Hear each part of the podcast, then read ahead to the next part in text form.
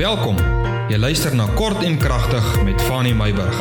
Kom ons word kragtig deur die woord. Goeiemôre. Ek hoop jy het lekker geslaap. So kom die lente al hoe nader. Vandag al 'n lekker warm 31 grade hierso in Brits. Ek weet nie hoe gaan dit daar by jou nie. En hoe voel dit daarso in jou omgewing nie? Ek wil vanoggend 'n bietjie met jou gesels oor die Volkswagen stiker. Nou hiermee wil ek nou nie sê dat ek is 'n Ford man of 'n Volkswagen man of 'n Toyota man. Hier's mos nou so lekker stryery en 'n spottery onder mekaar oor die verskillende voertuie. Ek wil darm maar vir jou sê ek is 'n BMW ou. OK, dit is nou na die kant toe geskuif. Jy weet laasweek toe stop ek by 'n verkeerslig wat getref is deur die load shedding. Jy weet wat beteken dit? Die ding staan. Daar gebeur absoluut niks. Maar nou ja, toe ek toe nou voorkom Laat dit my beurt is om te ry. Toe draai daar hier slap voor my 'n Ford kar.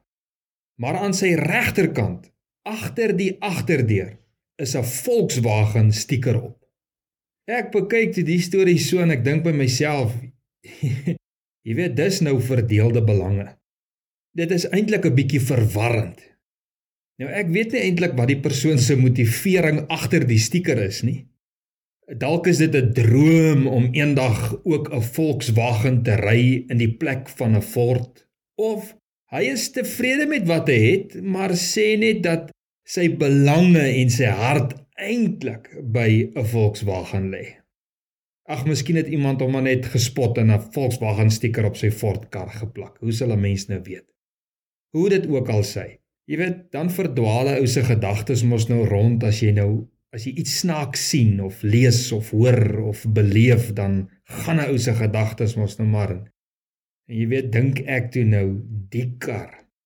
Al het hy 'n Volkswagen stiker op. Maak dit nie van hom 'n Volkswagen nie.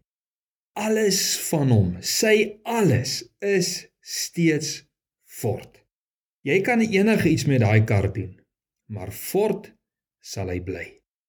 Want as jy alles sou wegvat wat nie fort is nie, sal daar uiteindelik net fort oorbly.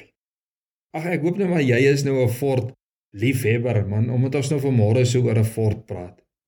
Maar nou ja, so praat die Heilige Gees weer eens met my op daardie gedagte wêreld van my oor my eie lewe om sodoende introspeksie 'n bietjie te doen in my eie lewe en ek wil jou 'n bietjie saamvat, 'n baie kort gedagte. In die beginsel is maar net jy weet ons moet eg Christen wees. Ons moenie op ons stiekers hê wat die wêreld en God verwar nie. Dit moet nooit voorkom in my lewe asof ek verdeelde belange met die wêreld en dan nou met God het nie. Dit moet nou nooit so voorkom in ons lewens nie. Want jy weet op 'n dag dan gaan God elke stiker op my lewe en op jou lewe kom toets om te kyk watter stiker werklik weerspieël dit waarin ek en jy glo.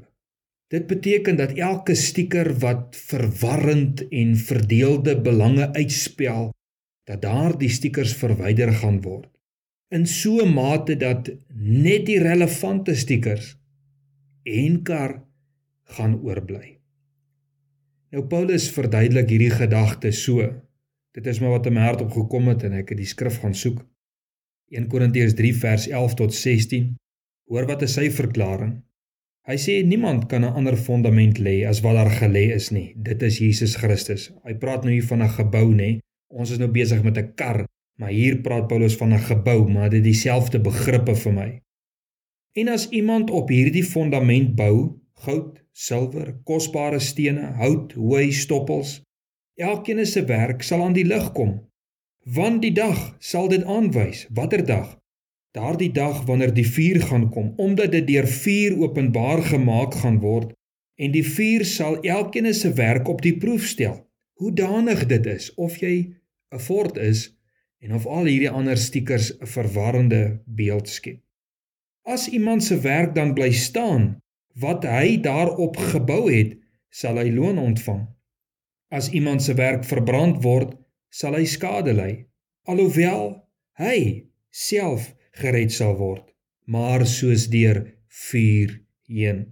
Weet julle nie dat julle 'n tempel van God is en die Gees van God in julle woon nie? In kort, wat sê hierdie skrif? Dit beteken dat alles wat nie ewigheidswaarde het nie, sal verbrand van nie. Dit beteken ook dat al het ek en jy gesondig, dan maak dit nie dat jy hel toe sal gaan nie. Maar alles waaraan jy jou tyd en geld en energie en liefde aan spandeer het, sal alles verniet wees en tot niet gaan. Met die verstandhouding natuurlik dat jy wel op die rots Jesus Christus gebou is, nê? Nee. Ek praat nie met 'n totale sondaar wat nog nooit tot geloof in Christus Jesus gekom het nie. Ek praat van die persoon wat op die fondament Jesus Christus juis gebou is. Die beeld wat Paulus hier probeer uitbeeld, kan ek vir jou kortliks sê of probeer verduidelik. Die beeld is soos iemand wat sy huis aan die brand raak. Hy word wakker of hy sien die brand en hy hardloop na buite toe. Hy en alles wat nie deur die vuur verteer kan word nie word gered en alles wat kan brand sal tot niet gaan. Die een persoon byvoorbeeld het 'n houthuis met 'n grasdak gebou. En hierdie huis slaan aan die brand en net hy sal gered word. Hy sal groot hartseer en verwyd ervaar omdat hy nie met middele gebou het wat teen die vuur bestand is nie. Die ander persoon het met klip gebou.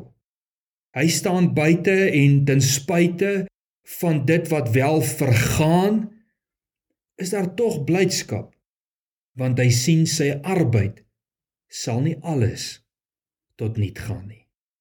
En die herinnering van die Heilige Gees vanoggend vir my eerste en ook aan jou gaan loop 'n bietjie deur jou huis. Gaan staan 'n bietjie buite jou huis. Onthou jou geestelike huis. Weet jy nie dat ek en jy 'n tempel is van die Heilige Gees nie, die geestelike huis? En kyk 'n bietjie waarmee jy besig is om jou huis te bou. En kyk of dit waarmee jy bou sal hou as die eienaar, die Heilige Gees terug gaan kom. Want jy weet God kom trek nie stiekers af volgens Paulus in 1 Korintiërs 3 nie. God kom nie kom stiekers aftrek nie. God kom toets ons huise met vuur. En dit is tog God se intensie deur die Heilige Gees dat ons ons huise sal bou en versier met dinge wat ewigheidswaarde het. So ek sluit vanmôre af met 'n aanhaling van John Piper. Hy het gesê: There is a big difference between cancelled sin and conquered sin. Dink 'n bietjie daaroor. There is a big difference between cancelled sin and conquered sin. Seën en vrede vir hierdie dag van jou wat voorlê. Gaan bou jou huis en maak seker dit waarmee jy bou gaan nie deur die vuur tot niet gaan nie. Seën en vrede tot ons môre weer gesels.